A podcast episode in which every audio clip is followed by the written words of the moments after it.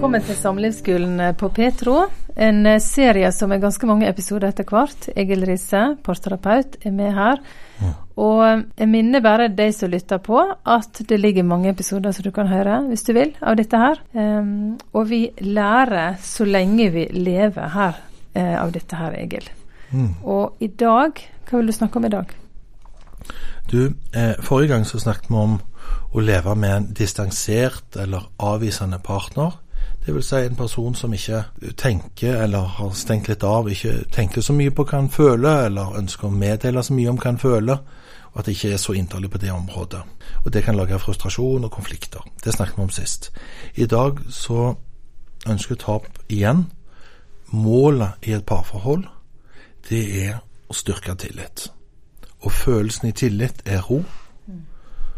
Uh, og jeg vil ta opp én egenskap som eh, er veldig, veldig skummel i parforhold.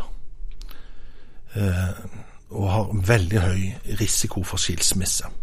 Det må vi snakke om. Er du interessert? Ja. ja. Det er det at noen, litt i forskjellige religioner, kunne jo tenke liksom at den ene ektefellen er den andres hode. Og det får jo mange som ikke tror til å steile, på en måte. At det er liksom makt. Eh, en maktfeil. Men det jeg har lyst til å si, det er at hvor stor i ekteskapet kommer egentlig an på noe som er, ikke er liksom så filosofisk, men hva man faktisk gjør. For om en mann er veldig så politisk korrekt, og, og, eh, og, det er bra det, å være det, og er feminist og mener at kvinners stemme skal høres og alt sånn, men kommer hjem og det er en beslutning som skal tas, og sier 'sånn gjør vi det'. Eller hvis ektefellen har noe å si, blåser seg opp, eh, går i fullt forsvar, skal ha det på sin måte. Hm. Det kan være at vedkommende har en veldig god plan og er sterk og selvstendig, men samlivet kommer til å komme i trøbbel. Mm. På samme måte kan en en konservativ kristenmann eller en muslim som tenker at han er hodet til familien, i en lignende situasjon alltid tenker at 'jeg må høre hva hun tenker'. Eh, eller som ei jente sa, far er familiens hode, men han kommer aldri på å bestemme noe mor ikke vil. Det er noe med den lydhørheten, å være opptatt av den andre. Det er det det kommer an på. Ikke hva slags filosofi du måtte ha hva du, hva du i realiteten tror, er hva du i realiteten gjør. Om du er hensynsfull, om du bryr deg om, om du tar med i betraktningen til den andre føler. Og Dette du sier nå, Egil, det er jo ikke bare synsing, det er faktisk forskning. For mye av det vi snakker om i akkurat denne serien, har John Gottman forska på i over 40 år. Også dette, ikke sant? Gottman han gjorde et, en undersøkelse om åpenhet for påvirkning hvor mye lydhøre man vil være for den andre sine følelser. Og han fulgte, vet ikke jeg, 150 par, i hvert fall i ni år. Og det var én egenskap som skilte seg ut som fryktelig stor risiko for skilsmisse. Hele, ja, vet ikke jeg, 81-85 eh, sannsynlighet for skilsmisse. Og det var, hva skal vi kalle det, de fire rytterne på anabole steroider, eller endetidstegn på anabole steroider. Jeg skal si hva det er. Det er det fenomenet at hvis én Og det sørgelige var at de fleste av de var menn. Det er lenge siden. Ikke sikkert det hadde vært sånn nå, eller i vår kultur. Men fenomenet er ødeleggende, enten var menn eller damer.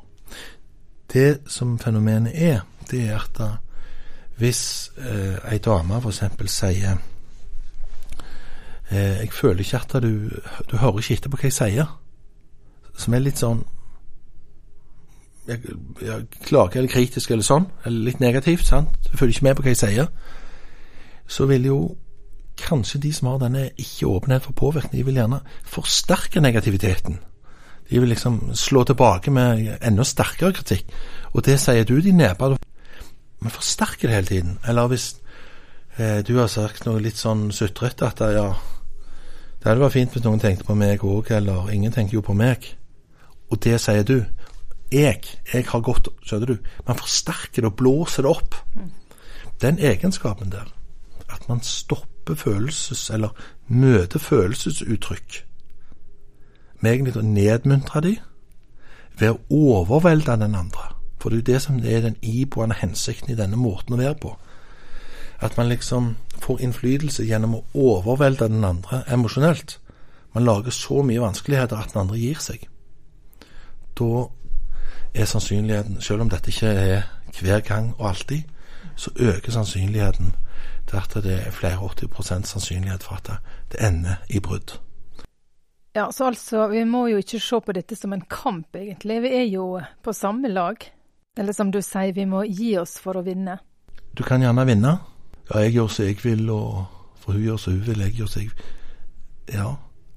Du kan gjerne vinne, du kan gjerne lete, du kan gjerne bestemme. Og være tøffe. Eh, Varer samlivet. Mye dårligere. Så her er det ikke den avvisende som er stille og tause, men liksom det at man, man bråker og overvelder. Det er svært negativt. Vær åpen for påvirkning.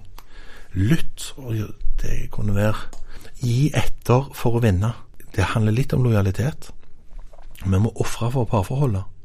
Vi må prioritere den andre for å ha et godt forhold, for å få mer.